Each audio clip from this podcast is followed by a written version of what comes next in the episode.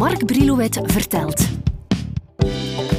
Een swingende podcastreeks over de meest iconische hits en hun al even legendarische uitvoerders.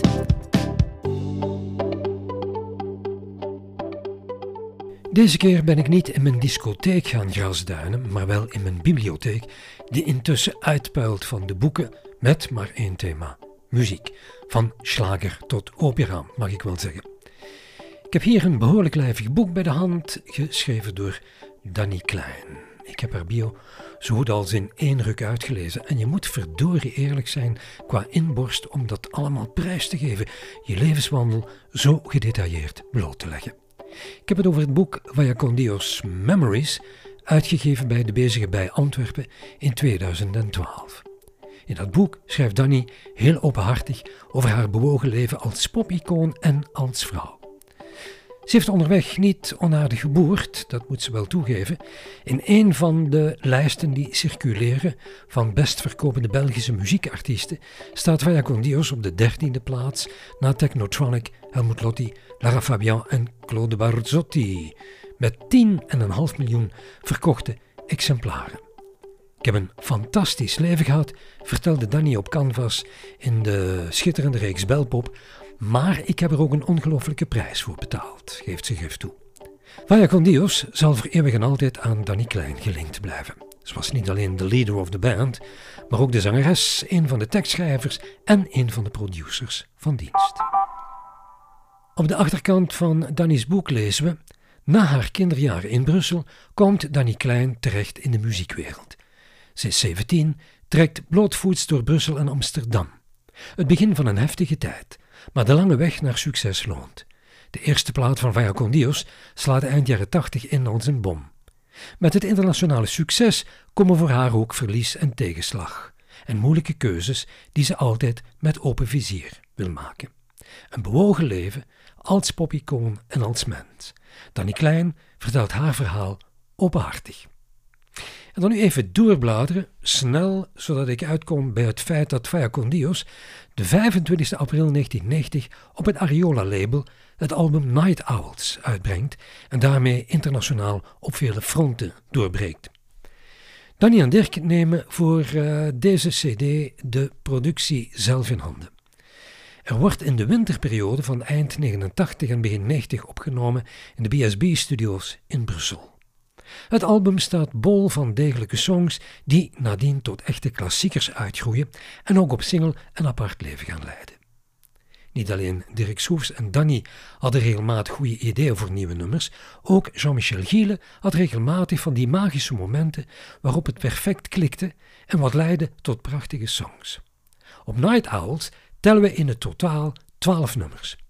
Tijdens de opname wordt Vaya con Dios begeleid door onder andere de gitaristen Erik Meelaerts en Koen de Kouter, drummer Bruno Castellucci, organist André Brasseur en pianist Frank Wuit. Het merendeel van de nummers werd dus door Danny samen met Dirk en Jean-Michel geschreven, met de uitzondering van Something's Got a Hold on Me, dat van de hand is van Pearl Woods en Leroy Kirkland. En het was de bekende Amerikaanse zangeres Etta James die dat in 62 al op plaat had gezet. In Zwitserland zit er voor het album een nummer 1 in, in Denemarken noteren we een zesde plaats, in Nederland een derde, meteen goed voor platina. De eerste single uit Night Owls schiet raak. What's a Woman verschijnt de 28 april 90 voor de eerste keer in de Ultra Top 50 om daar de 26 mei op 1 te staan schitteren. Op de B-kant horen we Far Gone Now. In de Nederlandse top 40 noteren we voor deze single eveneens een nummer 1, meteen goed voor goud. In 2009 wordt What's a Woman opgenomen in de eregalerij van de Vlaamse klassiekers, een organisatie van Radio 2 en Sabum for Culture. In de marge, in 2006 brengt Vaya Condios What's a Woman opnieuw uit, deze keer in samenzang met de levende Amerikaanse legende Aaron Neville. Lisa Delbo had zich in 90 ook al aan een voorzichtige cover gewaagd. Dan is het hier bij me en als je het goed vindt, pik ik ons verhaal in bij de release van het album Night Owl. Het volgende album, Berensterk, hè, wat toen kwam. Een geweldig nummer, What's a Woman. Weet je daar nog precies, de precieze details van?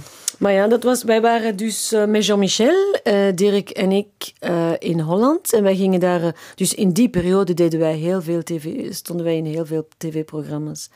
En dus je moet altijd heel lang wachten. Want je moet daar bijvoorbeeld om twee uur 's namiddags toekomen. En je komt pas in het programma om acht uur s'avonds of zo. En dus moet je daar komen om een kleine repetitie te, doen.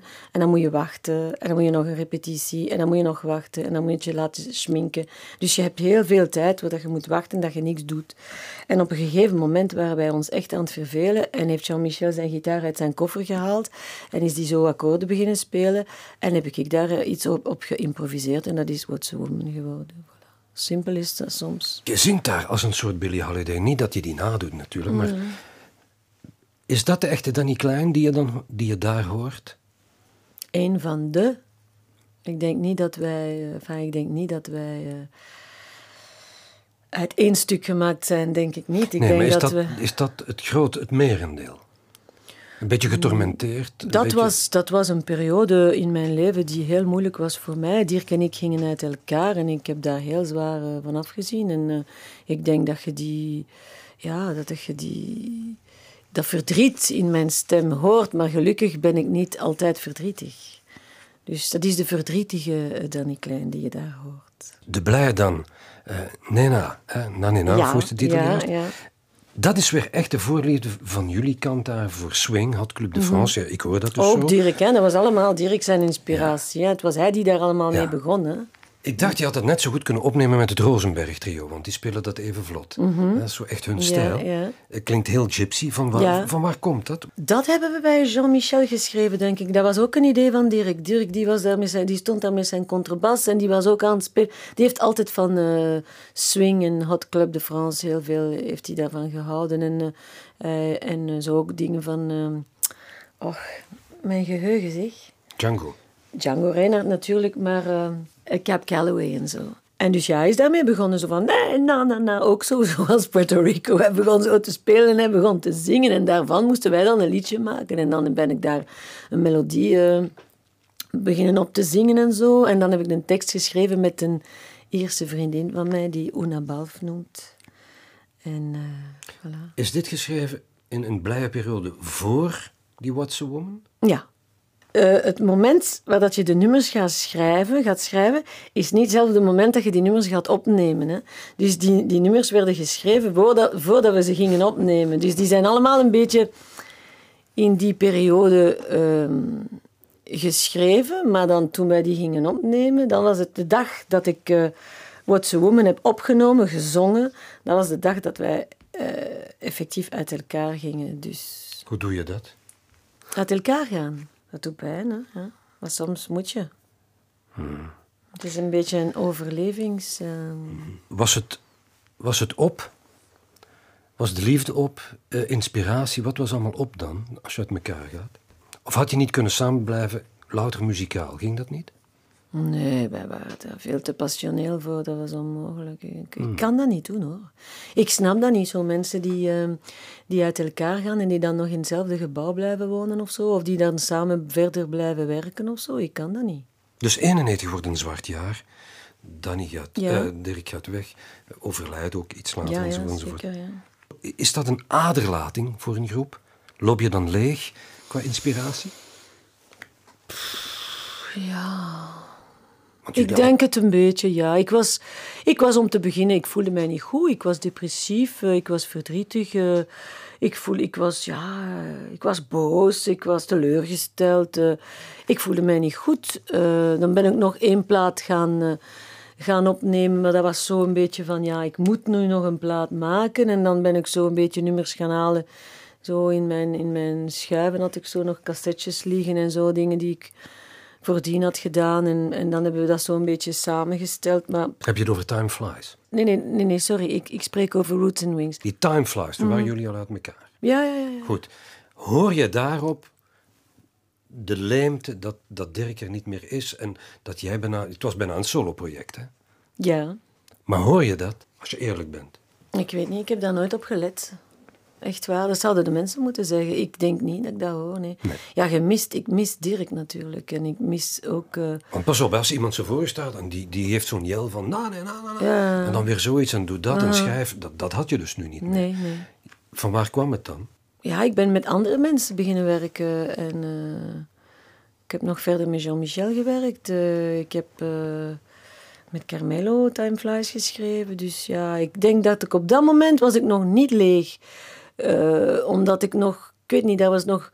Al die dingen die moesten nog hun weg vinden. Al wat dat ik meegemaakt had, ik moest dat nog kunnen uiten. Dus jij valt, valt alleen. Je hebt natuurlijk nog mensen om je heen, maar Dirk valt mhm, weg. Mhm. En dan heeft toch die platenfirma zo'n pretentie van... Dit wordt een knallert. Time Flies, dat was dus een mhm, druk op jou. Daar was inderdaad niet echt een hit uh, op die plaat. Maar ja, Heading for a Fall, dat, dat, hebben ze heel veel gedraaid. MTV heeft dat... MTV heeft dat echt... Uh, ik weet niet hoeveel keren ja. hebben ze dat... Zeg, je hebt dat geschreven met Dee Collins, wie is dat? David Collins, ja. Wie is dat? Dat is een Engelsman uh, uit Leeds. Dus een muzikant die met mij dus voor die, op die vorige, die vorige tournee uh, had gespeeld. Waar is dat nummertje tot stand gekomen? Ik ben naar Leeds geweest. Ik ben, uh, ben op weekend bij hen geweest, bij hem en zijn vrouw. En we zijn daar zo een beetje in, in zijn klein studiootje een beetje gaan, gaan prutsen. En, Maar gaat dat on command op bevel een nummer schrijven? Maar dat is niet echt uh, on command. Je, je, gaat er naartoe en als er, er iets uitkomt, ja, komt er iets uit. Als er niks uitkomt, dan is het zo. Dat is zo.